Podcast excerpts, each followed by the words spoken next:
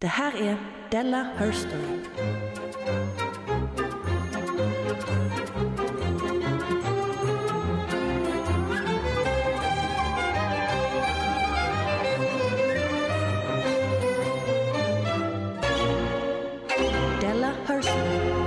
Det får man ge ryssarna, att de kan göra vignettmusik. Den är underbar den där vignetten. Sådär. Men vänta nu. Nu har inte min, mitt manus... Har inte, nu! Här! Hej! Välkomna ska ni vara till uh, Della Hör Story. Tack så mycket. Podden där vi i Della-gänget pratar kvinnohistoria. Eh, Det är väl... Det här är verkligen en o- myspodd för mig. Ja. Framförallt när man bara... När någon annan har förberett Ja. och man bara hänger på och får lära sig. Så måste det vara kanske i till exempel eh, riksdagen. I när någon riksdagen. håller en anförande så sitter man där och en av de 365 och bara tänker Mm. Gud vad mysigt vi har det. nu, mys- det är inte jag här som har sitter förberett jag något. i plenissalen. Jag har en liten termos med små mig. Anmärkningar då och då och så säger Ja. Tänk, jag får betalt för det här. Sitta och lyssna på någon annans motion. Dela pläd med hon från Miljöpartiet. Men ehm, hur, var är du någonstans Simon? Och varför låter det som att du är i Chad? ja, men, jag låter jättebra för lyssnaren så kan du försöka sätta dig in i det istället. Oj, du kan försöka skådespela lite Jonathan. Okej. Vi låtsas att Simon Eh, sitter på havets botten och sänder radio. Eh, hörni, killar.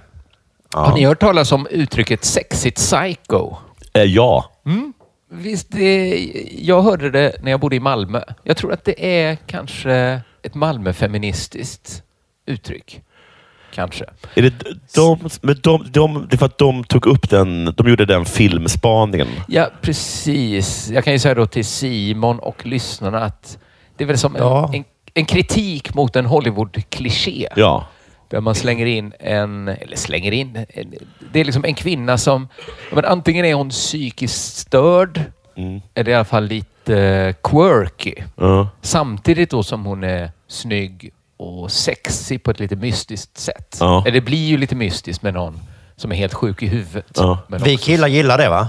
Ja. Killar gillar det. Ja. Och jag, jag har på känn att tjejer i motsvarande grad inte gillar ett sexigt psycho. Fast det kommer ett sånt liksom skogsrå in och förändrar Nej, allt. de tycker inte om De hänger inte med sex. Alltså, de är inte bästa kompisar med det sexiga psykot. Jag tror de är lite... Anna sa så här, pick me girl är lite eh, angränsande arketyp kanske. Vad är det för någonting? Ja, men det är en sån tjej som inte är som andra tjejer. Nej, nej. En sån tjej som eh, kanske Jag gillar sport. gillar sport, Mm. eh, gillar hårdrock, Ja. men är samtidigt en Och- snygg tjej. Och alla tjejerna bara hatar henne. Ja. Jag spelar tv-spel. ja, tv-spelstjejer är väl väldigt mycket pick me. Det är, som, kanske, är det som strandraggare för oss killar då? Att vi hatar Ja, dem? det tror jag. Det är tjejerna älskar surfare. Ja, surfare. Eller gitarrkillen. Gitarrkille. Ja, men precis. Såklart. precis. Gitarrkillen. Eh, Amelie från Montmartre. Mm. Kanske ett exempel då på den lite mer quirky varianten av, av det här liksom sexiga psykot eller pick me. Eh, Hon är kanske mer pick me tjej. Ja, det är hon. Och, och quirky. Eh, Sexy lite- Psycho är liksom... eh, Det måste vara ännu mer extremt. Ja, Liksom. jag, där skulle jag säga att Elizabeth eh, Harmon i The Queen's Gambit, Ja. om ni sett den. Ja, men jag har sett, eh, jag Ni har sett förstår. bilder på YouTube. Ja, precis. Är hon sexy psycho då? För att hon är liksom lite knäpp? Väldigt tydligt exempel på, inte lite knäpp, hon är jätte, jätteknäpp. Men liksom river hon den i ansiktet? Och så är det så att hon tar med den, att hon, så börjar hon liksom... Jag vill att du har sex på min, på min morfars eh, öppna kista-begravning. Alltså, hon är inte så explicit sexu... Hon är nog mer lite snygg då. Okej, nu börjar det. Och, men galen. men hon kan, inte, hon kan inte ha relationer. Liksom. Hon har liksom något sex med en kille, sen, så säger hon, sen är hon bara helt... Ja, så här, tack så mycket, det var skönt. Ja, ja, ja. Och sen bara ligger autist, hon... Sexigt autist då. Och så ligger hon med hans morfar och, bara, och, hon, och han bara, vad håller du på med? Hon bara, Vadå? vad me- menar du? Blir du, blir du svartsjuk nu? Va, vad är det för något? är, det så, är det så lite? Ja, men typ så. Det som man tyckte var så sexigt i början blev sen Ja. det man hatar mest. Det är så med alla Ja, relationer. men kritiken mot då användandet av sexiga psykon är väl, har väl, som jag fattar då, att det skulle vara en ihålig fantasi. Mm. Att det finns egentligen inte så mycket som är sexigt med den typen av psykisk ohälsa som eh, Harmon har i The Queen's Gambit. Att hon mår egentligen bara dåligt. Det är inget sexigt med det. Nej, men då känner... Nej, precis. Som, det är okej, det är inget sexigt med det. Men... Det kan det väl vara om man gillar sånt. Ja, Men jag tycker liksom, om vi då, är liksom, om vi då säger den australiensiska surfaren till exempel, som får vi då säga till den kvinnliga motsvarigheten. Mm. Det är väl inget sexigt med att vara dum i huvudet Nej, och, precis. och inte ha några riktiga intressen. Att aldrig ha läst en bok. Det är väl inget sexigt. Exakt. Och, Och de bara, eh, jo, Eh, jo, han knullar som en gud. Jag vet, men det är kanske ingenting man gifter sig med. Och, de Nej, bara, nej. rätt. och det, är så att det är samma sak med Sexigt Psycho. Det är självklart Ja, ingenting så man kanske gifter sig med. Ja, men jag, jag känner att det blev kanske kritiserat i samma vända som man kritiserar användningen av sexiga kvinnokroppar som hittas mördade Ja. i skogen. Ja, I precis. deckare. Att man inte längre fick det finns njuta väl av... inget sexigt med ett vattenlik? Nej, egentligen inte. Fast Har någon sagt naket. Men hur kan, varför lyckas då Sjöwall Wahlöö göra det sexigt i varenda bok? Det är väl ingen som har att sagt att det är de lyckas sådär, skulle jag säga. Alltså Sjöwall Wahlöö lyckas med det. Att bröstvårtorna Alltså, ser ut som radergummin och sånt där. är det det du tycker är hallå? så hot? Oj, nu blir Malmö Simon så här. anropar. Ja. Ja. Var det ett skämt? För jag fattar inte. Det är väl ingen som har sagt att det är sexigt med vattenkropp, eller? Det är ingen som sagt det, men om du, du kanske har sett det i en deckare, att det ibland är liksom en naken, ung, vacker kvinna som hittas mördad. Ja, men det är ju hemskt. Ja, det är hemskt ja. Ja. Också. Mm. Men också lite hot. Kan du hålla två tankar i huvudet Tycker Simon? inte, jag tycker inte det är hot, men andra gör det. Okej. Eh, ja, men jag skulle då säga att The Queen's Gambit vilar rätt tungt på den här stereotypen om det sexiga psykot. Eh, att jag skulle eh, nästan säga att det är en av anledningarna till att eh, den här serien blivit så framgångsrik. Att man använder sig av den här väldigt lockande och då kritiserande, kritiserade klichén så ogenerat. Ja. Att, eh, att det är verkligen all in sexigt psycho. För om man bortser då från feministisk kritik mot den här klichén så är det ju en väldigt älskad kliché. Eh, arketyp kanske man kan säga, som, som finns i många tankesystem. Där den kvinnliga principen är fundamental och skapande men fullständigt kaotisk och behöver kanske då hjälp av en manlig princip för att skapa ordning. Och i The Queen's Gambit då representerad av eh, schackspelet. Som då bokstavligt talat fyrkantigt ordnat. Ja, det är själva schackspelet som är mannen. Som är den manliga principen. Ja. Hon det är inte han som har så himla tätt mellan ögonen. Alltså, hon träff, den, det är ju nästan bara män annars. Ja. Eftersom schack, schackvärlden är så manlig. Ja. Hon lär sig spela schack av en man. Mm. Det kommer liksom in en manlig princip som, eh, som liksom styr upp hennes kaos. Sen kommer det en tjej och tvingar henne supa och, och så hon förlorar sin viktiga match. Jävla tjejer. Ska alltid förstöra Sen för vinner hon ju den, viktiga, den viktigaste matchen vinner hon väl ändå. Jo, men då är inte den här störiga tjejen med i bilden längre. Då har hon sagt, eh, vi kan inte umgås med dig för att du förstör ju för Nej, mig. just det. Det, Medan killarna, feminism. vad gör killarna? Hjälper och hjälper. och är Skapar glada ordning. för hennes skull. Mm. Ja, just det. Ja, ja, men du har sett det här Simon? Ja, jag, jag är all in på schack nu. Det vet du väl? Ja, just det. Och du, har du sett det nya eh, snabbschack? Där man bara har eh, som en jätteliten plan och så har man bara fyra stycken bönder Aha. och en kung och en löpare och en häst. Det finns ingenting jag hatar mer än när man tar en klassisk grej och så ska man säga, vi kan ju... För, man kan väl först lära sig schackens alla, och det kommer ta tre, fyra livstider. Sen kan man Ja. börja med det där lilla schackbrädet. Väldigt Fuck you. En gång fick jag en Simon Rubiks kub som var fyra, fyra på varje. Ja, men gud! det var någon som kände Tror du det. att jag är mästare på den här på tre? Nej. Oj! Okej. Eh, vi lämnar det här. Eftersom det väcker så starka Eh, känslor. jag gjorde bort mig. Som ni hör så är jag, älskar jag schack. Idag ska det handla om en kvinna som i historieskrivningen fått representera det sexiga psykot. Som länge såg som bara ett sexigt psyko. Som en musa för olika män. Men Blir det lite vi- sexigt idag alltså? Det blir... Ja, men det kanske inte blir det då. Nej, Jag ska ju försöka okej. eh, sticka hål på den myten. Jaha, vi ska ha de glasögonen kanske på oss. blir inte alls särskilt sexigt. Så ta tillbaka det där att du gnuggade. Jag tänker motarbeta genom att hela tiden låta, låta tjock på rösten. Det handlar om Sabina Spielrein Mhm. eh, som föddes 1885 och var mer eller mindre bortglömd fram till slutet av 70-talet. Men Av hennes 1977... föräldrar också. Och hon hade föräldrar. Alla har föräldrar. Vill du veta om dem? Även den person som skrev hennes biografi, eller? Nej men där är ju du! Det har jag glömt i 20 år. Eller hur men de var döda när och hon var död. De var döda när hon eh, slutade vara bortglömd. Oj, oj, oj.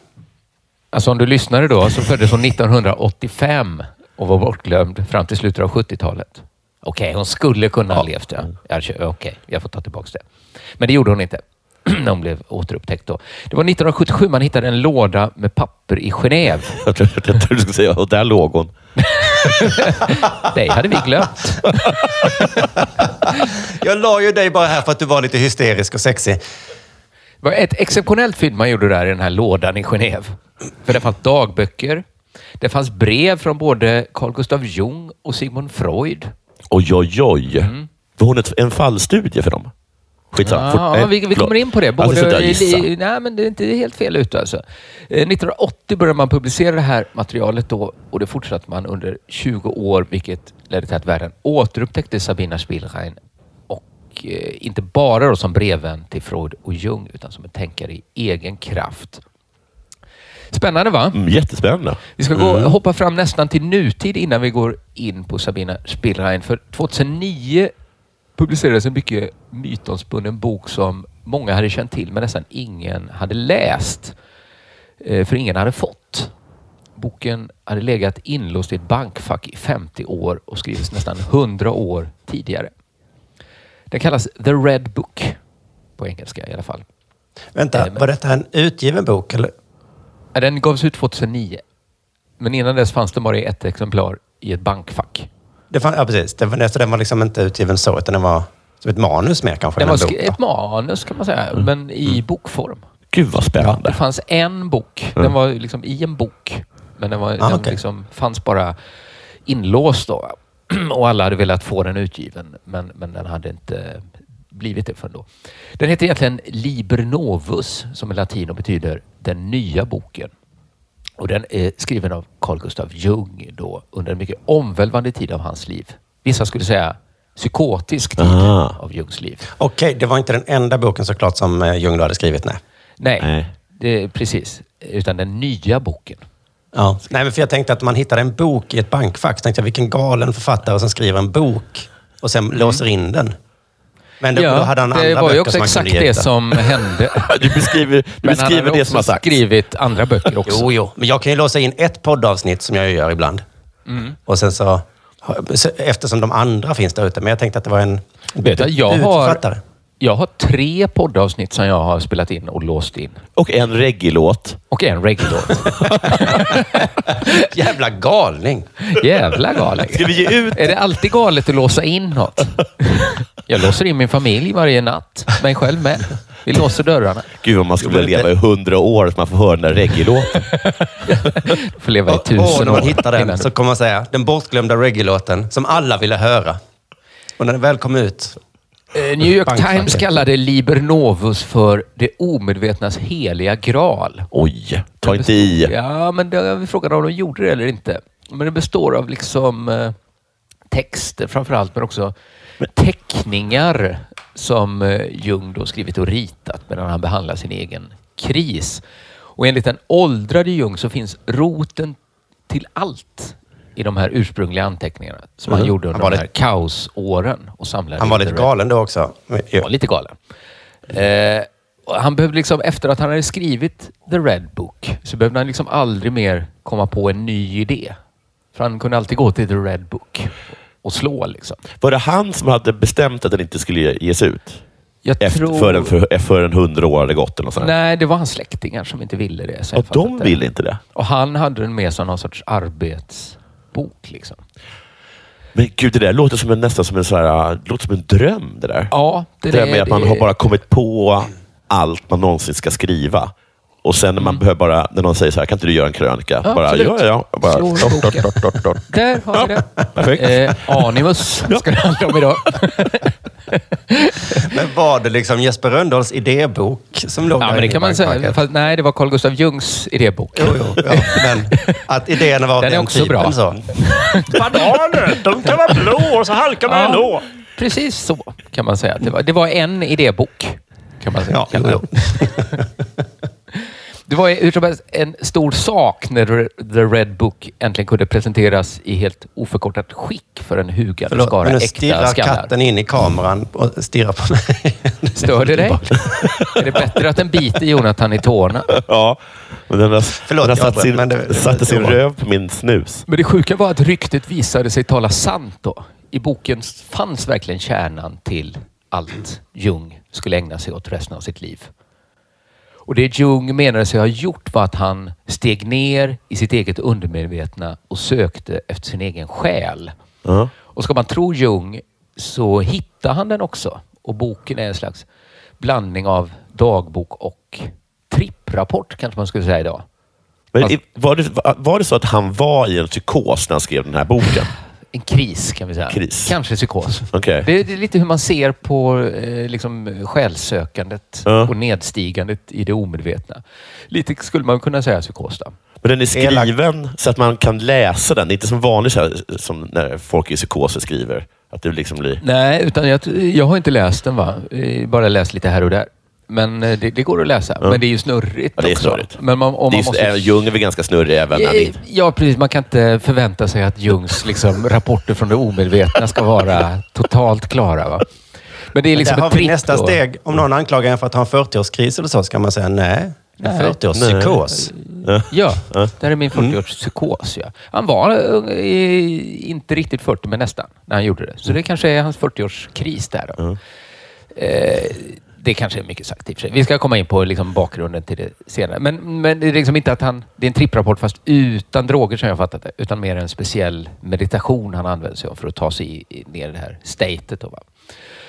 Den inleds berömt med en anteckning där Jung eh, skriver så här. I, nu är det i engelsk översättning då. My soul, my soul, where are you? Do you hear me? I speak, I call you. Are you there? I have returned. I'm here again. Så det är lite snurrigt. Men det är framförallt lite töntigt. Du tycker det är töntigt, men han skrev det ju för sig själv.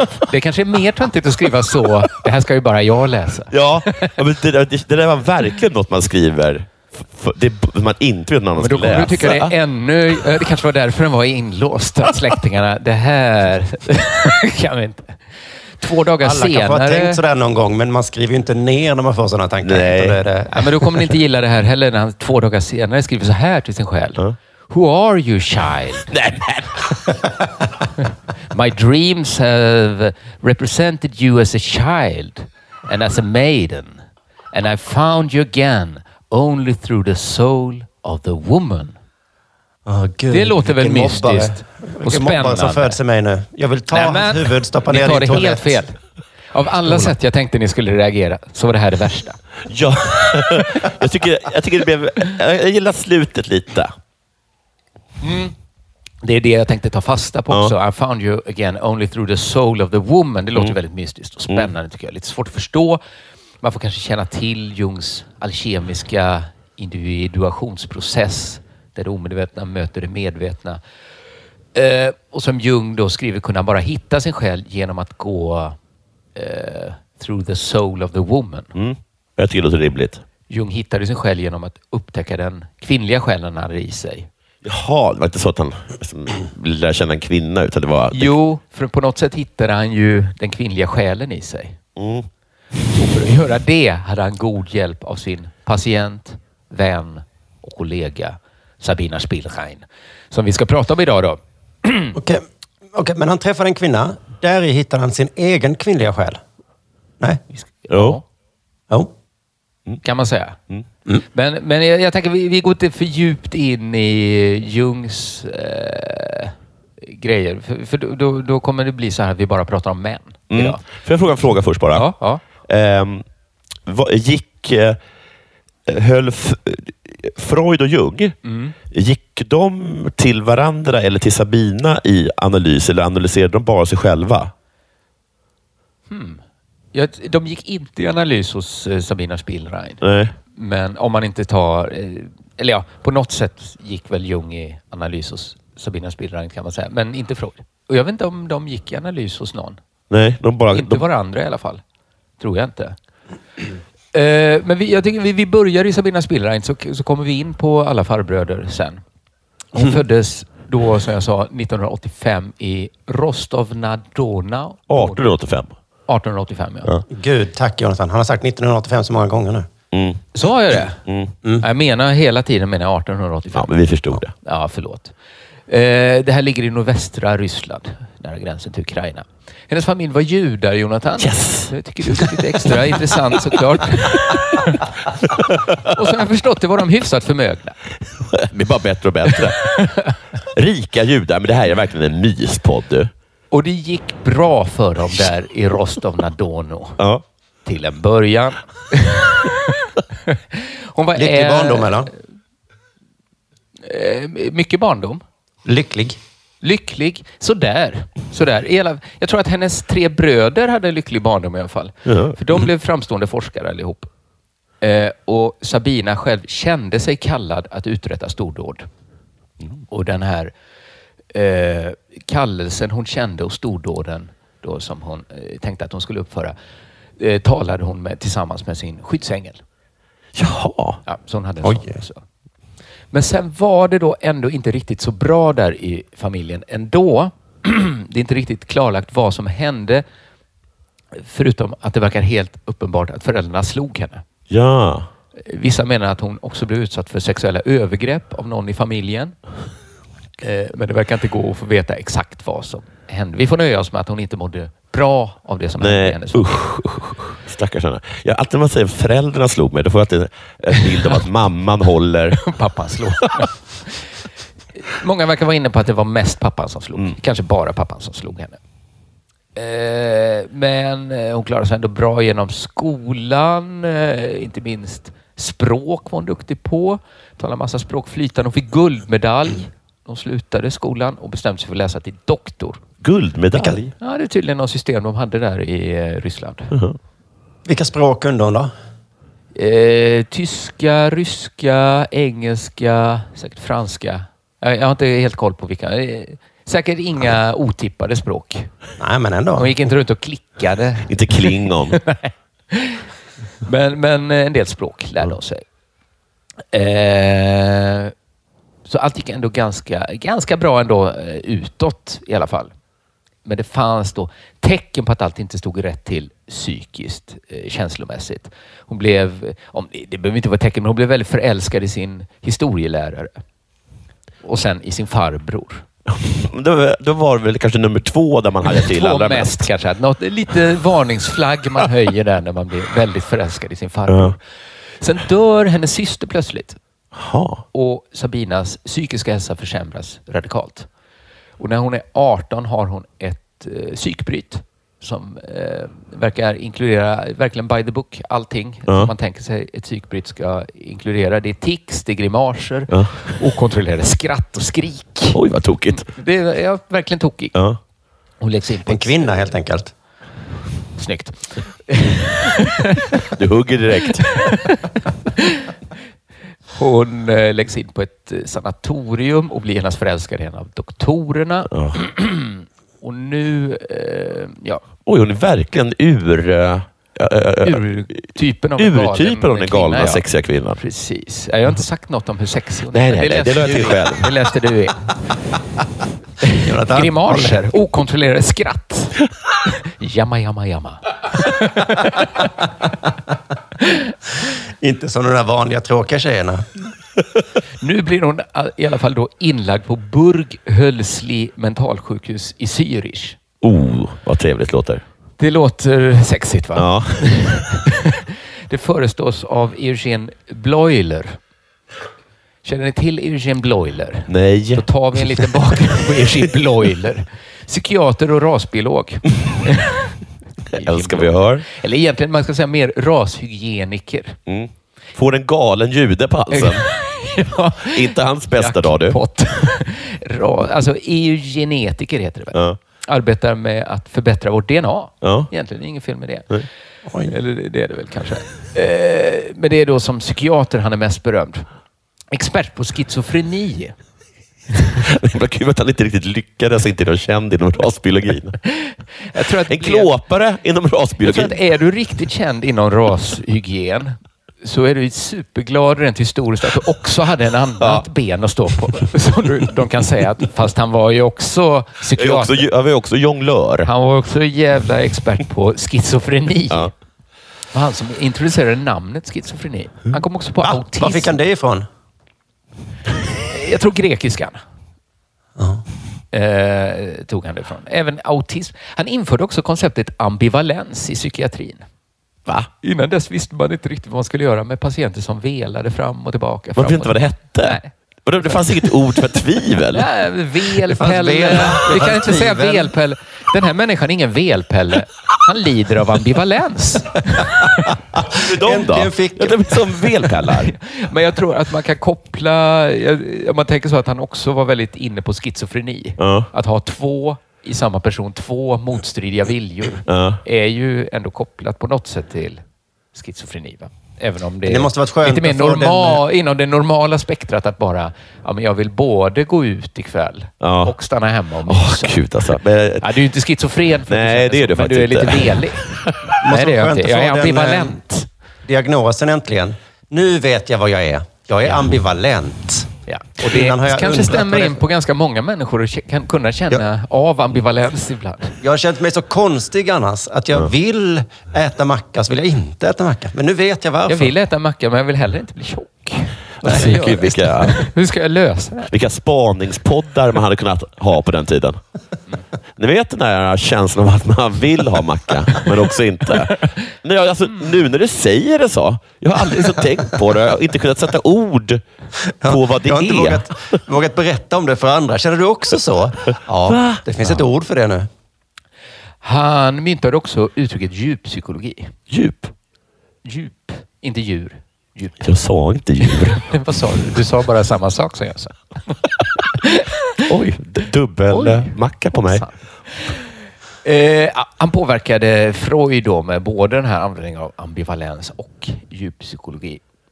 Och Bloiler blev i sin tur via sitt intresse för hypnos intresserad och influerad av Freud.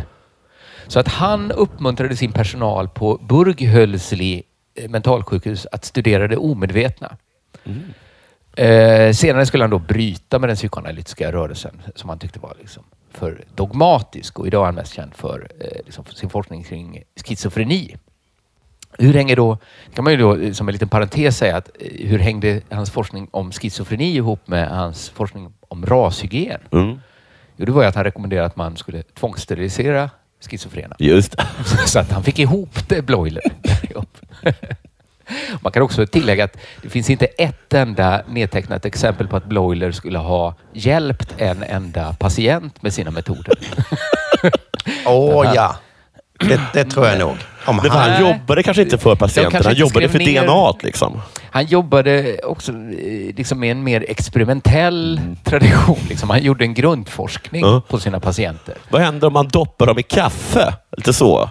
Ja, Ja. och det slutade med ja, många eh, då blev steriliserade Ja. och många begick självmord. Mm. Och ingen blev hjälpt då. Som han, ja, de kanske inte skrev ner dem han hjälpte. De kanske bara skrev ner de som tog livet av sig. Eh, men för den här historien som vi berättar idag så är hans viktigaste insats att han fick sin personal att börja intressera sig för djuppsykologi. Och det Vad är det då? omedvetna. Ja, men, eh, säg det omedvetna i alla fall. Då. Mm. Alltså att det finns eh, saker som, om oss själva som vi inte känner till. Som vi kan känna av kanske bakgrundsstrålningen av i drömmar och neuroser och sådär. Eh, för på Burghölsli arbetade Bloilers 29-årige assistent, doktor Carl Gustav Jung. Och det var till honom som Sabina Spielrein nu kom. Så att då, ja, då hade Bloiler liksom instruerat Jung att nu, nu, liksom, här är, nu ska vi forska på det omedvetna. Och det var så han tog sig an uh, Spielrein.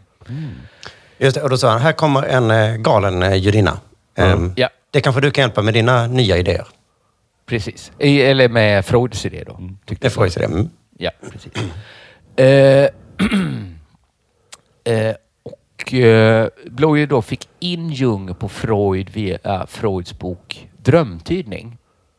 Och Jung blev väldigt, väldigt, väldigt tagen av Freud och den nya psykoanalysen. Han var något av ett fanboy i början. Det får man nog verkligen säga, ja. Och Freud, som satt på en helt ny vetenskap då, eller vad man ska kalla det, behövde elever och medarbetare som kunde sprida hans gospel. Så han blev väldigt förtjust i Jung. Eh, och Jung skickade liksom exemp- ett exemplar av sina studier om ordassociationer som han forskat fram på Burghölzli till Freud. Och de började liksom brevväxla och till slut så möttes de i Wien 1907. Och då satte de sig ner, Freud och Jung. Vilken liten Twitterbubbla de hade. De du kan hade få en mina bubbla, ja. knasiga idéer om Ja. ordassociationer. Ja, Han men kolla "Åh, det är mina knasiga jättebra." idéer. Och ja, det här med drömmar. Ja, det är jättebra! Men vad Ingen tror du om arketyper? Och första gången de träffades så satte de sig ner och pratade med varandra utan avbrott i 13 timmar. Inte sant. Det är kanske inte är sant, men de sa båda det. Men så gick det till. Ska vi säga att vi har talat i 13 timmar? Ja. Ja, det gör vi. Vi, vi tog ingen paus. Fast vi var ju ute och tog en macka. Nej, men det är härligt Det ska jag två svara när folk undrar hur så Della Sport började. Ja, jag och Jonathan träffades så pratade vi i 13 timmar nonstop. Ja. Sen, Om vi, om vi hade paus? Nej. nej, nej, nej. nej. Men era poddar var ju bara 15 minuter i början. Varför spelar Men sen hade vi Sigges klippare. Men sen liksom blir den här brevväxlingen mellan dem liksom, eh, frenetisk. Och de eh, samarbetar med varandra de följande sex åren.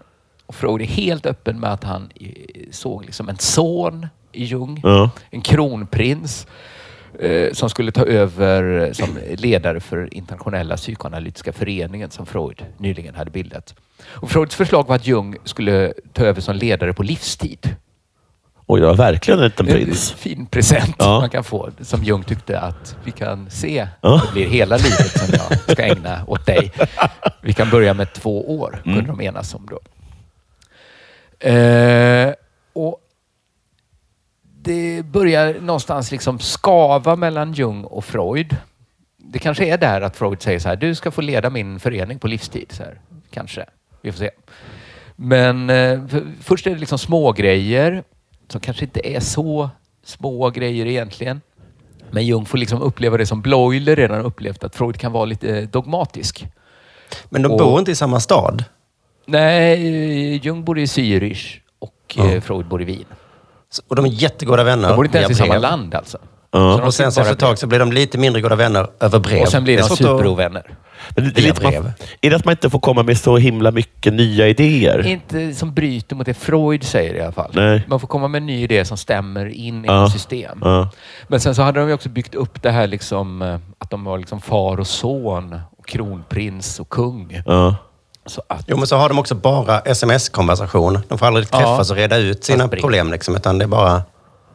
man kunde ju tycka att just två psykologer kunde reda ut sina problem. Men inte alls. Nej, men så att det blir inte bara en intellektuell brytning då. Det blir en personlig brytning också eftersom de är så investerade i varandra. Att de hade gått under skinnet på varandra då.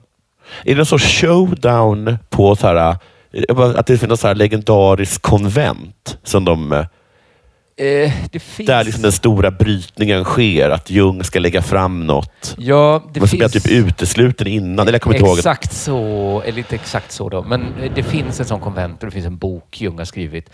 Och det finns också två rätt roliga exempel på de två gångerna Freud svimmar. Ja. Då är också Jung inblandad på olika sätt. Och även historier från det gamla Egypten involverade.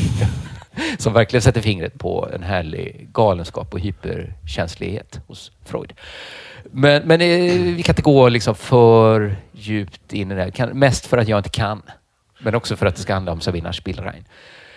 Eh, men man kan lite grovt, eh, om man tar det rent intellektuella brottet mellan Jung och Freud, kan man lite grovt säga att det handlar om två saker där de skiljer sig åt. Eh, där liksom Jung inte kunde acceptera Freuds teorier och Freud inte kunde ta att Jung inte gjorde det. Och dels är det Freuds idé om eh, libido, sexuell energi som livskraft. Att Jung kunde inte acceptera att psykisk energi var liksom bara sexuell till sin natur. Okej. Allt bara handlar om sex. Aha. Eh, det ska vi återkomma till senare för att det var en åsikt som Freud skulle komma att revidera senare i livet. Inte helt opåverkad av vår huvudperson då, Sabina Spielrein. Det känns lite så här äh, österländskt flum i den. Lite så här kundali, den här Mm. Ja. sexormen man har i sig, eller vad det nu är. Det finns. Fast kanske jag tycker det är mer fint hos- att de var så himla goda vänner och kastade eh, båda två jättenya och galna idéer till varandra. Och de bara, ja vilken bra idé! Ja, vilken- du är bäst! Och, och sen en dag bara, va? Så, Libido? va? Vad sa du? Ah, Är det inte bara vad den här galna sexormen jag har i mig? Nej, okej. Vi är inte vänner förväntar längre. sig väl inte Freud om man hade en sån ja-sägare bredvid sig hela tiden och sen en dag sa han nej. Hopp, okej. sen var det också Jungs idé om det kollektiva omedvetna som Freud inte kunde acceptera. Eh, för att eh, det bröt liksom mot Freuds idé om det omedvetna och vad som hamnar där. För Freud tyckte liksom att det omedvetna det är ett ställe där bortträngda minnen och känslor och begär hamnar. Att de måste liksom vara bortträngda för att hamna där. Men Jung menar liksom att i det kollektiva undermedvetna kan saker man inte ens har upplevt finnas. Ja, ja. Alltså Jung skiljer på det personliga omedvetna, Ja. det som Freud säger är liksom hela det omedvetna, Ja. och sen det kollektiva som är liksom en nivå av flum ytterligare kan man säga. Just det, men det, det, okay, men något som har hänt i kultur. Men det skulle också kunna vara den där grejen de snackade om. Jag vet inte vet om den stämmer. Det där med att alla människor, var de än är födda, är rädda för spindlar och eh, precis. ormar. Det skulle ju behöva eh, liksom vara något upplevt för Freud. Men för Jung så föds vi med det. Ja, för att Precis. vi, vi har liksom som ett kollektivt upplevt det. Precis. Och för Freud kan det vara att man kanske ser att det har något med ens mamma att göra. Ja. jag, säger, jag gissar fittan, men det är bara jag. ja, det kan vara något sånt. Ja. Eh, Jag förstår, om man börjar prata om kollektiva undermedvetna, där går gränsen för mig också. Nej, nej, nej. Du tror inte på det? Att vi har något Nej. gemensamt i djupet av... Det finns ingen punkt där vi alla människor har något gemensamt, menar du? Nej. Nej. Oj, vad kul att vi också är uppdelade i Jung och... men vi ska eh, inte och, ha en sån eh, brytning nu. Det här var sista... Jag kommer inte sista delen av det här som ett eh, flagrant försök till fadersmord. Jag tror det är nyckeln till att inte få en liksom, vansinnig brytning. Är jag Sabina här då? Mm, det kan det vara. Det kan det mycket väl vara.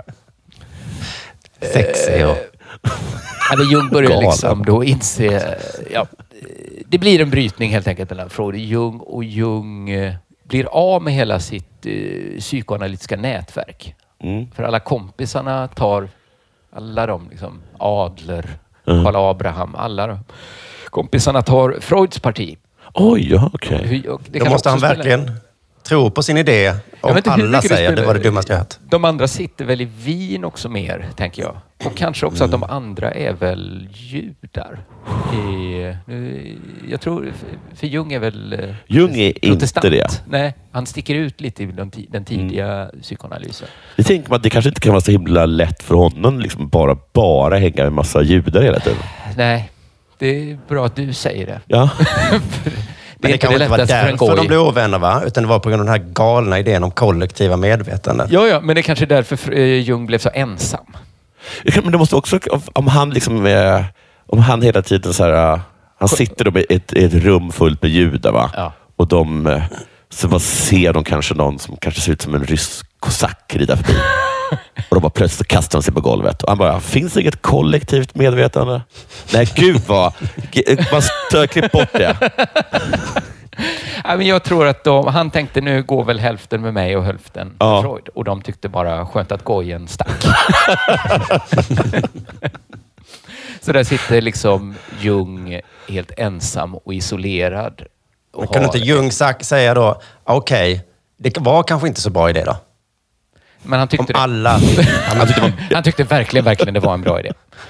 Och han, i sin ensamhet och isolering så har han den här omfattande krisen. Har han börjat den här, som han beskriver som en fruktansvärd nedstigning i sitt omedvetna då, där han möter, som han upplever det på riktigt, sitt omedvetna. Han har syner, han har röster och han börjar helt naturligt oroa sig för sin mentala hälsa. mm.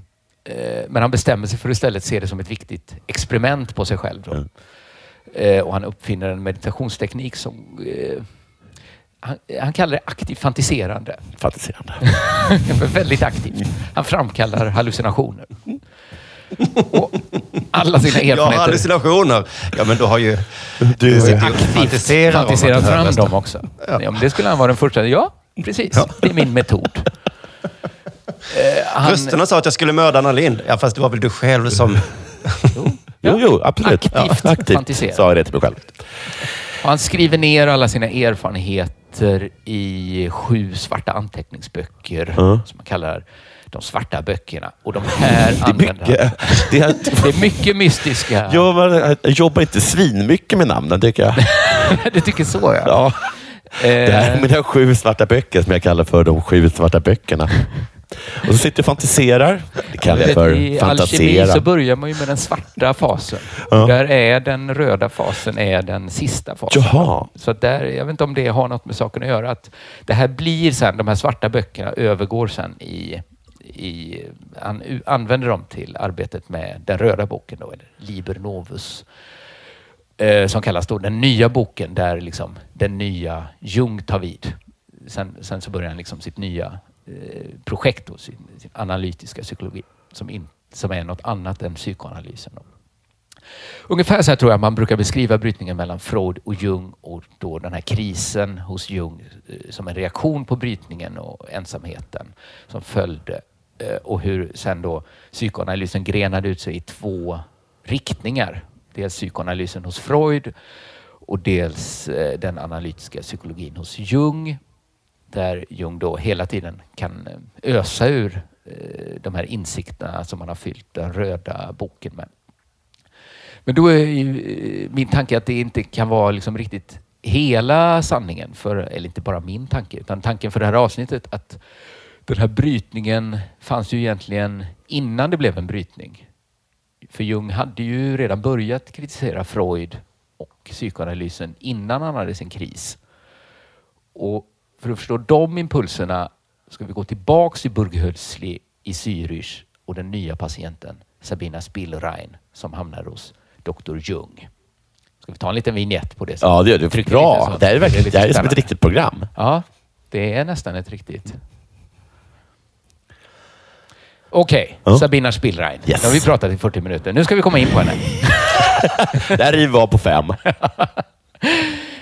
Hon blev alltså då inlagd på Eugene Bloilers mentalsjukhus i Zürich och blev patient till den då nyblivne freudianen Carl Gustav Jung. Gissa, gissa, ja, förlåt. Ja. Och hon berättade för Jung att hennes pappa hade slagit henne Ja. och nu led hon av masochistiska fantasier om att bli slagen. Mumma. Bloiler såg då till att hon skildes från sin familj och fick gå i eh, analys eller terapi hos Carl Gustav Jung och hon tillfrisknade då snabbt. Det var liksom en total succé, hennes eh, eh, sam, eh, liksom analys hon gick hos Jung. Det var inte det att hon inte blev slagen då? Det kan ha hört till liksom just det här att hon skildes från sin familj. Men vad Men- var det då för eh, me- metod han använde just då? Som gjorde Alltså- henne så frisk? Det är en metod, skulle man kunna säga, som också är lite ett brott mot Freud. Att man inte som eh, terapeut helt nollställer sig. Vi, vi, vi kommer komma in på det, att den, just den här metoden är extremt ifrågasatt, kan man säga. Okej, men det funkade på patient 1. Det, man kan säga, det, det, som jag förstått det så, så är liksom nackdelen är att den är så himla oetisk, metoden. Men den funkar 100 procent. Men den, i det, det fall den prövats, fallet Sabina Spielrein, så har den funkat extremt bra. Så det är liksom en avvägning där. Freuds väldigt etiska teorier då funkade ju inte alls och Bloilers funkade inte heller. Men när Jung tog sig an Spielrein så funkade det väldigt bra, även om det var väldigt ifrågasatt, hans metod. Men då blev hon liksom frisk i skallen direkt och var inte ett sexigt psycho mer, utan Nej. bara sexig då, antar jag och började läsa medicin och assistera Jung i hans arbete med ordassociationer. Det vill säga det Jung då skickade till Freud Åh, för att jag- imponera på honom. Gud vad, gud vad lätt jobb. Jag hjälper till med ordassociationer. Han sa bok, då sa jag, då sa jag träd. Då. Ja. Och så skickar vi det till Freud och ser om han tycker om oss. och det gjorde han. Yes. Nu är vi på rätt väg. Ja, men det går fort här för Spil- Spillrein, för hon har kommit in som patient i augusti. Men redan i oktober har hon börjat jobba som forskningsassistent Jaha. åt Jung. Det måste ju vara drömmen. Fortsätter liksom bo på mentalsjukhuset. Ut, men hon får inte längre någon behandling nu, för nu jobbar hon istället för Jung. Så Tänk att bli inlagd på IVA, intensivvårdsavdelningen. Två månader senare så är du överläkare. Ja, jag lärde mig allt. Men var inte det ett ställe också man kan tänka sig att eh, då då upptäcker man att någon har låst in läkaren också? Ja, jag tror det var lite flytande nästan. Vem är patient, vem är läkare? På Just i, just Och det, var, det var där man uppfann namnbrickorna. Det var så himla viktigt. Det- var det enda sättet man kunde avgöra. Och vita rockar. Det är väldigt viktigt där. Hierarkin inom sjukvården är så himla hemsk. Jo, men nu skulle du säga att det var innan. Det var det. Kaos. Det var kaos. Men liksom, det är inte bara det att Jung skickar forskning till Freud som hon har varit med och tagit fram. Utan han börjar också nämna eh, Spielrein i sina brev till Freud. Eh, så hon liksom involveras i deras korrespondens tidigt. Men sen händer då som nästan... Man visste väl att det skulle hända. Kär. Spielrein blir förälskad i Jung. Och hon har en eh, stark fantasi om att de ska skaffa ett barn ihop. Och de ska döpa det till Sigfrid. Ja. Ja. Väldigt specifikt att det måste heta Får Sigfrid. jag bara säga att det sticker ut lite. Sexy Psycho brukar ju vara någon som alla killar blir förälskade i, men det verkar som den här tjejen blir förälskad i Hon blir också alla förälskad. killar. Men eh, killarna blir också förälskade i. Ja, de blir också det. Mm. Han heter Carl Gustaf Jung. Eh, och, eh, Är han ledig? han är inte ledig. Nej. han, är ihop med, han är gift med Emma Jung. Emma, ja.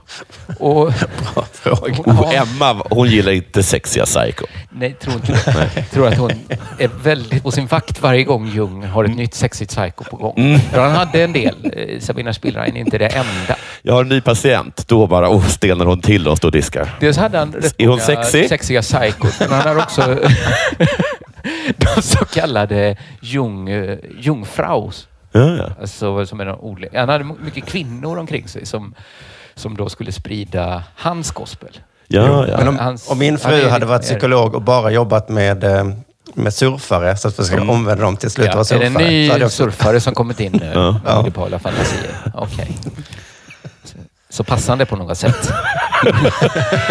ja, jag förstår inte varför du måste åka till Bondi Beach, men eh, det är väl för jobbet. Men nu går liksom inte Sabina i behandling hos Jung längre. Nej.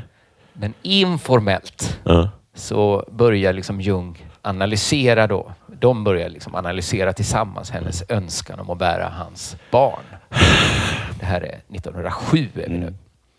1908 börjar de något som, det här är väldigt diskuterat vad det egentligen är de börjar med riktigt. Det är ingen som riktigt vet vad det är. Sabina kallar det för deras poesi. Det är det sex vi talar om. De håller på mycket med poesi. Och det har aldrig blivit klarlagt vad deras poesi egentligen var. Och ja, den populära gissningen är att Ja. det var att de hade sex med varandra. Mm. Andra har kommit fram till att de höll på rätt mycket. Är det, är det de två olika skolorna? Men att det aldrig gick så långt som till penetrationssex. Pe- det är liksom skillnaden mellan poesi och, och, sex. och de två skolorna, de talar inte med varandra. Nej, nej, nej. nej. Till, ja, det är väldigt svårt att förstå hur de kommit fram till att poesi betydde rätt mycket, men inte hänga in den. Eh, och det verkar mest handla om tolkningar av Sabina Spielreins dagböcker då, som man hittade där 1977. Men vi talar, eh, vi talar eh, pull. Kan vara pull. Vi talar... Eh, Både- Eh, vi talar liksom, känna lite utanpå Ja. och sådär. Mm. kyss Eh, ett, brev, ett brev Kyss, till eh, sin mamma skriver Sabina Spillrar att eh, så här långt har vi hållit oss till en nivå av poesi som inte är farlig. Ja, är jaha, liksom okej. Bra. Då, man då, då har de ändå något på fötterna där. Ja, precis. Eh, men ja, det går inte riktigt Och, och vad, att få veta vad som hände. eh, jag skulle vilja lä, vilja läsa det svaret Mm. ja, från mamman. Som att, eh, thanks for oversharing. De verkar ha haft en väldigt nära Ja. kontakt. Eh, Okej, men kan Det det- kan också vara något annat än sex. Bara så ni vet. Ja, Att, Ja. att alla Jag har fantiserat om att jag de tror hade sex. att Det är ju, numera är... Droger lite- då? Skulle det kunna vara droger? Nej, jag tror inte det är så mycket. Men men jag tror att nu är liksom den populärvetenskapliga tolkningen är att det är sex. Ja. Men den liksom vetenskapliga, som jag fattat det, säger nog ändå att... Jag läste en som sa så här att man måste utgå från... Eftersom vi vet så lite måste man utgå från vad de själva säger. Ja. Och eftersom de själva säger att de inte hade sex. Ja, de säger att de inte har det. Nej, de sysslar ju med poesi. Okej, men de har... men de har aktivt gått ut Man kan väl säga så här, något var det.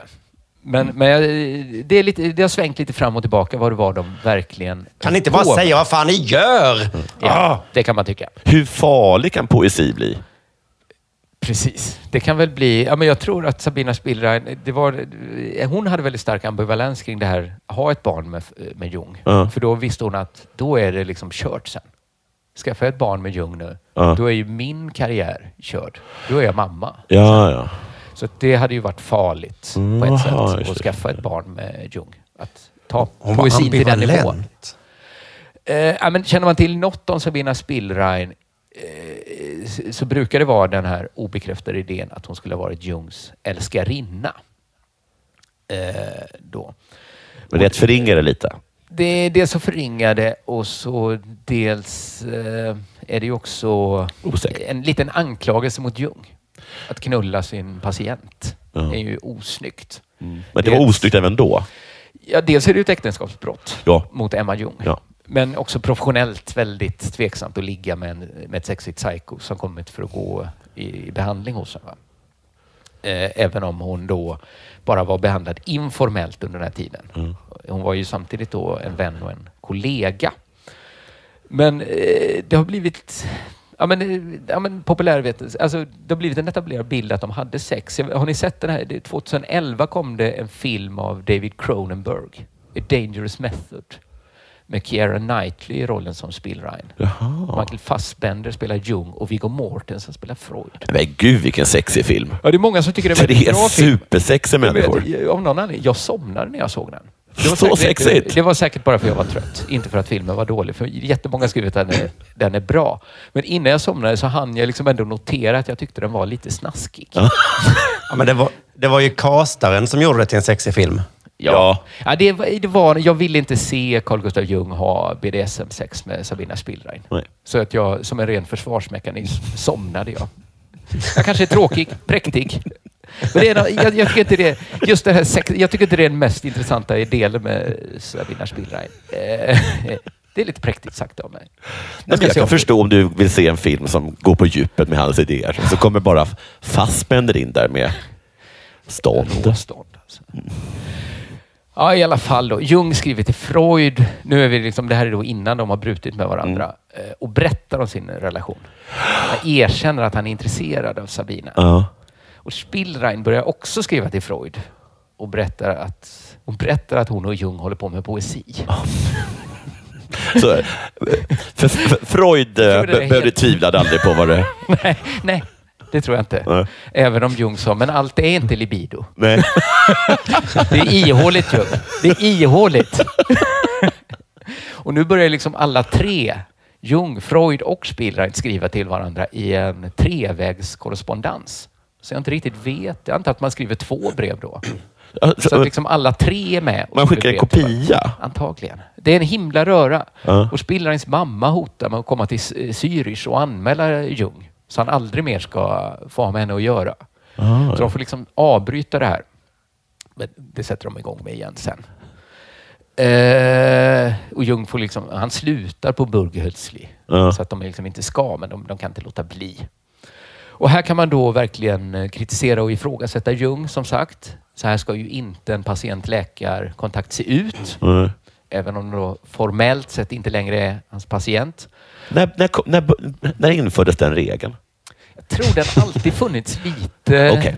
Jag tror i och med sunda förnuftets Ja, ja. införande i människokroppen. Ja, ja. tror jag.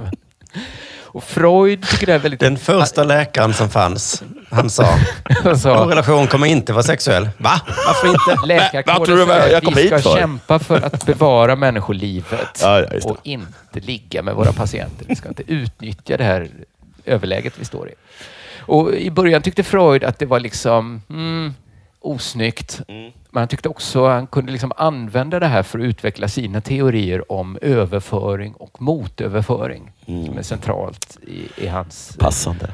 i psykoanalysen då för hur terapeuten inte har koll på sina egna omedvetna sidor och känslor och överför dem på patienten och tvärtom, fram och tillbaks i ett spel. Och, eh, men senare då så berättade Freud för Spielrein att eh, Jungs hantering av henne var avgörande för schismen mellan honom och Jung. Att det var helt enkelt för dåligt gjort av Jung att göra så här. Mm, jag är inte helt säker var- på om det, det- stämmer. Kan vara något han sa, ja. Lite efteråt. Var det det det handlade om menar? Inte den här knasiga idén, utan det var mer det att han gick över gränsen. Blev det också precis någon kamp om eh, henne? Alltså vem hon skulle stödja i den här Jag schismen? vet inte hur mycket en kamp det blev, men det blev liksom att hon valde Freud.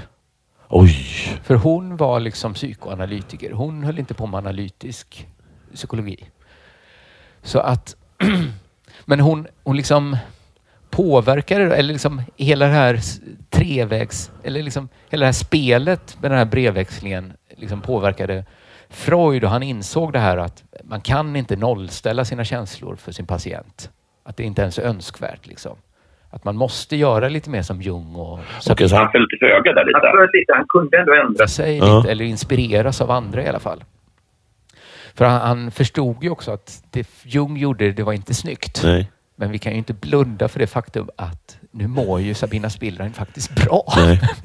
Även om hon då drömmer om att ha ett barn med Jung. Det, det Men förlåt, det var det som gjorde henne bra var att de blev kära i varandra? Var det det som var det oetiska? Och det som Ah, funkade? Nej, men alltså dera- den här eh, terapimetoden Jung hade där han eh, liksom, vad ska man säga, involverade sig i hennes liv. Då. Han var inte, ja, men om det freudianska var att man ska sitta liksom bakom, om, om äh, den, den som går i analys ligger på en divan, så sitter ju analytikern då liksom vid huvudändan så man inte ens kan se och är mycket mer ett tomt papper att projicera mot. Eh, Men, men där liksom Jung då blandade in terapeut. Att det blir mer ett spel mellan patient och terapeut. Mm. det Så liksom kommer om man träffar en deprimerad så, så kan man säga att det du behöver är att träffa en psykoanalytiker som du kan bli kär i och ha sex med Ja. och kalla Ja, det poesi. Då blir du frisk. Men det är Så inte så, etiskt. Det är inte det etiskt. det är det enda som funkar. använda- Det är det enda som funkar tyvärr. så, så, så det fanns ändå något Freud kunde använda och utveckla sina teorier då kring eh, analys, eh, analysen om. Eh, och eh, ja. Det är som vi- tvättmedel. Vad sa du? Som tvättmedel ja. Ja, men det kanske finns tvättmedel som egentligen är mycket bättre, men det är inte bra för miljön. Nej, så kan man säga. Så kan man säga. Det är som att använda klorin. Och så använder klorin. Det blir jävligt ja. vitt Det blir vitt liksom. Men Men- hur mår Hur mår fiskarna du? Hur mår fiskarna? Eh, ah, men det är väl kanske det. Nu, nu, här efter är det liksom... Hon Du påverkar behöver det ta där. flyget till Thailand och bo där. Fast å andra sidan är det inte bra för miljön. Men du kommer Nej. må bättre. Precis, precis. Ja, men, eh, sen då, så att hon, hon kom in i både Freud och Jungs liv, eh, Sabina Spielrein, och eh, fick båda att tänka om. Alltså dels då Freud med de här teorierna om överföring och motöverföring. Men också liksom, eh, hade hon, alla verkar vara överens om att hon haft ett liksom, väldigt stort inflytande på de idéer som Jung sen kom att odla. Men då eh, är det här märkliga att, att Jung försvinner ur bilden och hon eh, liksom, blir freudian istället. Flyttar hon då? Alltså, hon avslutar sina medicinstudier och doktorerar med en fallstudie av språket hos en schizofren patient. Och då blir hon en av de första som gör något sånt. Och hon är bara 25 år då och borde liksom bara med det ha skrivit in sig i medicinhistorien. Mm. Men så blir det inte. Men dagen efter sin examen så lämnar hon Zürich för att bli psykoanalytiker. Så att hon väljer liksom Freuds eh, sida då som sagt. Är fallstudien mer Jung-artad? Nej, Nej, det finns alltså, kanske inte riktigt då. Eller? Ja, skitsamma. inte. Jag tror att hon är, hon är mer inne på att det är Freud som är liksom... Jung har inte riktigt utvecklat sin Nej. teori ännu så att det finns väl bara Freud och det är den vägen hon väljer. Och Och Freud blir då ensam helt enkelt. Mm. Och väl, eller nej, Jung Jo. blir ensam och väljer sin egen väg. Och, och Sabina går mot psykoanalysen och Freud. Hon flyttade till München. Flyttade hon till. Så var det. Och hon studerar konsthistoria och börjar arbeta på ett arbete om sambandet mellan sex och död. Och sen flyttar hon till Wien och väljs in i Oj, psykoanalytiska död. sällskap. Gud, vilken sexig grej. Ja, det är verkligen sexy psycho-beteende. Ja. Du, blev, blev Jung en eh, nazist? Åh, jag önskar att jag hade kollat upp det. Om inte så strångt av honom. Jag skulle säga att de här liksom esoteriska lärorna Ja. han höll på med är ju någon sorts proto-nazism. Alltså, de i sig är inte nazistiska, men det var ju sånt som nazisterna Ja, höll på med. mm. Det är väl som att säga, man kan inte säga att Rudolf Sterner var nazist, men de hade en del gemensamt idégods, väl han och, och dem. Men det är det han i hjärna. kopplingar? Vad vet han? Det är han, vad kallas det då? Det är de som finns i hjärna? Nej? Ja, precis. Antroposofer. Ja, antroposofer. Ja, men... eh, Vad fanns det för koppling mellan sex och död? Oh, Ja, vi ska komma in på det. Vi ska komma in på det. För att när hon... eh, Ja, men det är bra att du frågar. För hon kommer då till Wien och psykoanalytiska sällskapet där hon blir invald. Och det är där och då hon lägger fram sin mest berömda uppsats. Eh, som heter... Eh, ja, den heter Die Destruktion als Ursache des Werdens. Världens, förlåt. Alltså eh, destruktion som eh, orsak till varandet kanske. På engelska heter den Destruction as the cause of coming into being. Mm. Alltså ja, destruktion som ja, den yttersta orsaken kanske då. Till blivande, being, till varandet. Eh, det är alltså då en text som hävdar att Freud har fel. Den som hon lägger fram nu. Ja, Destruktion als Ursache des Werdens. Oj, så nu kaxar de sig. Precis. Att det hon säger är att all energi är inte sexuell. Allt är inte bara libido. Det finns en destruktiv kraft också. Alltså döds... Eh, Exakt. döds d- d- d- dödslängtan. Dödsdriften. Ja. Att det finns sexdrift och det finns dödsdrift. Oh.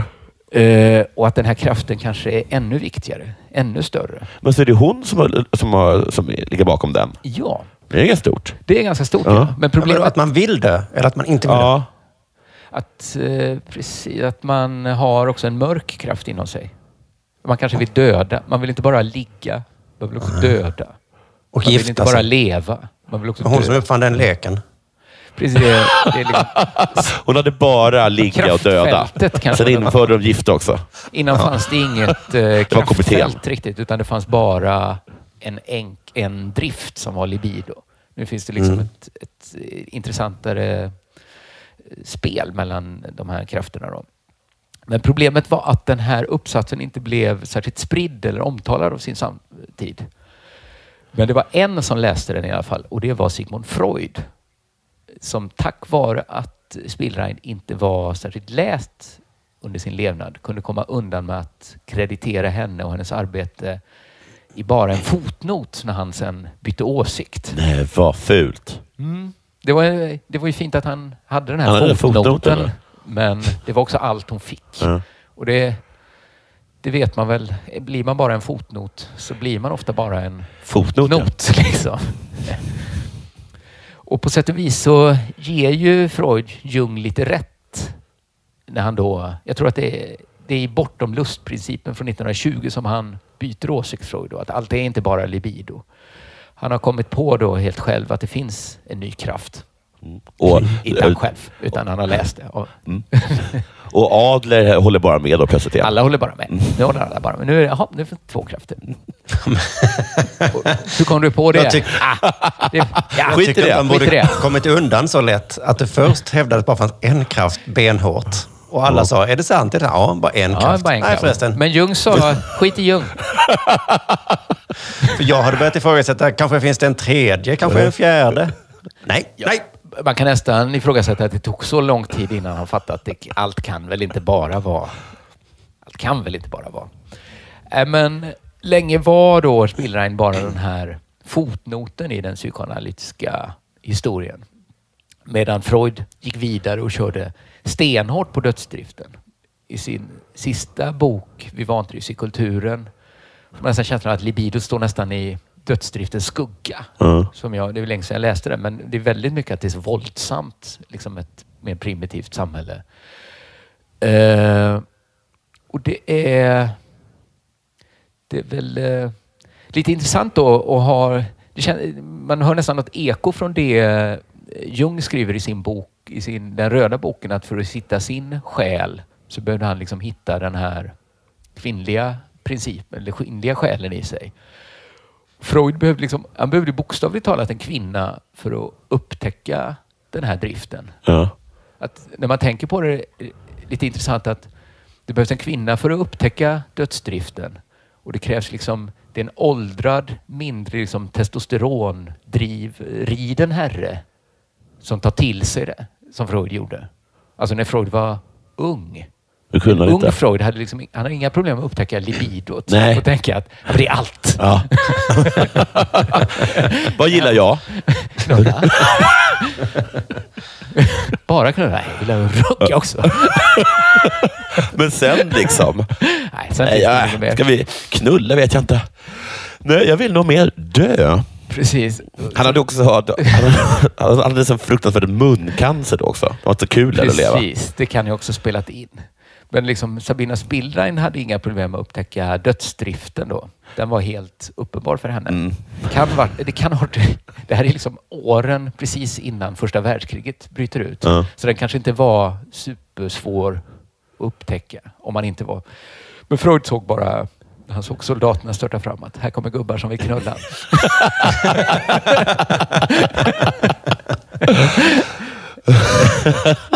Ska förklara första världskriget. Jag behöver 30 sekunder.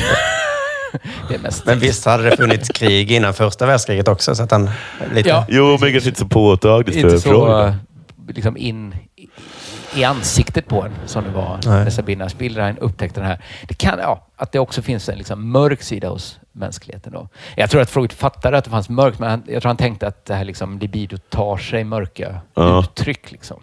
Att det inte bara är positiv och glad. Jag, jag har inte satt mig in helt i det. Det här är då liksom 1912. Sabina Spillrein borde ha skrivit in sig i den psykoanalytiska historien. Det blir inte riktigt så. Hon blir bara en fotnot. Hon blir liksom bortglömd istället. Hon gifte sig samma år med en rysk-judisk läkare som hon flyttade till Berlin med. Och där jobbade hon med Karl Abraham, en av de största inom psykoanalyser. Hon födde sin första dotter och skrev ytterligare nio uppsatser med väldigt sköna titlar tycker jag. Mm. Det är så här Contribution to the understanding of a child's soul. Mm. Det är väldigt så här inne på själ. En annan handlar om hur man botar djurfobier hos barn. Hon blir en av de första, om inte den första barnpsykologen. Så 1920, även det skulle hon kunna vara Ja, känd som. Ja. Men det, istället var det då poesin. Ändå har det blivit liksom att hon eventuellt hade sex med Jung några gånger på 10-talet. Eh, 1920 ansluter hon till Rousseau-institutet i Genève som är en eh, pionjärklinik för forskning kring barns utveckling. Och där kommer hon i kontakt med skolans rektor Jean Piaget. Jaha, alltså Eh. han eh, pedagogen. Ja, precis. Man skulle kunna säga att det är ju liksom Freud fast inom utvecklingspsykologin. Ja. Motsvarande storhet i alla fall. Och jag hittade någon uppgift att hon, att Piaget börjar gå i analys hos henne. Så att hon är verkligen liksom insyltad med de stora namnen. Verkligen. Och här, eh, ja, det här blir liksom Spillreins mest produktiva tid här på Genève, eh, vad heter det, Rousseau-institutet i Genève. Hon börjar intressera sig för språkutveckling. Eh, inte bara hur barn liksom lär sig, verkar det som, utan också var det kommer ifrån. Liksom, språket, vad kommer, vad kommer det ifrån? Ja, kommer ifrån. Var kommer det Eh, ifrån då? Ja, Ja, var kommer det ifrån då? vi får läsa de skrifter hon skrev. Men eh, eftersom hon lyckas liksom aldrig bygga upp en egen klinik som är liksom, det är väl målet för varje psykoanalytiker att ha sin egen klinik. Så hon gav upp alla sådana försök och istället tackade hon ja när Freud eh, erbjöd henne stöd för att åka till Moskva och sprida psykoanalysen i Ryssland Oj, Freud ringer upp den. och säger okej, du har ingen egen klinik, Nej. men eh, jag kan hjälpa dig om du åker till Moskva. så, så, så kan vi nog lösa det här. Och då kommer hon till Moskva 1923 och där fattade hon liksom rätt snart att okej, jag är ju överlägset den mest erfarna psykoanalytikern här. Ja. För att här har det inte kommit riktigt. Så hon fortsätter jobba som barnpsykolog och hon blir involverad i det stora Detskidom-projektet som de sysslade med experiment får man nog säga. Eh, där barnen skulle liksom lära sig utifrån Freuds teorier. En freudiansk barnpedagogik eh, helt utan disciplin. Väldigt stor frihet. Fan vad de hade vad det var lösa tyglar för. Mm, Det var väldigt, där, där sexuellt utforskande och nyfikenhet uppmuntrades. Oj, Det var liksom mm, väldigt känsligt med våra ögon och även den tidens ögon. Kanske ännu mer den tidens ögon faktiskt. Eh, under den här tiden så arbetade den ihop med både Alexander Luria som anses vara då liksom motsvarande Freud för den moderna neuropsykologin Lev Vygotsky Ja, Vygotsky också är peda- som har pedagog. samma liksom, ställning inom den moderna pedagogiken. Fan vilka gubbar hon hängde Så med. hon liksom lyckas pricka varenda viktig gubbe man kan arbeta med. Rätt Men kan man kanske tolka det som att hon tyckte det var ganska okej att inte vara i rampljuset? För hon träffar ju hela tiden, hon hänger med de som är i rampljuset. Och så kanske hon tycker Ja. det är lite soft att vara... Det är en tolk- eller att hon vill till rampljuset. Mm. Men hon har liksom då arbetat med och påverkat liksom från Jung till Freud, Piaget, Luria och Vygotsky. För att bara nämna liksom de största hon påverkat. Och då inte inspirerat som bara en musa, liksom ett sexigt psycho. Utan verkligen haft ett riktigt inflytande på. Men då i Moskva går det inte så bra.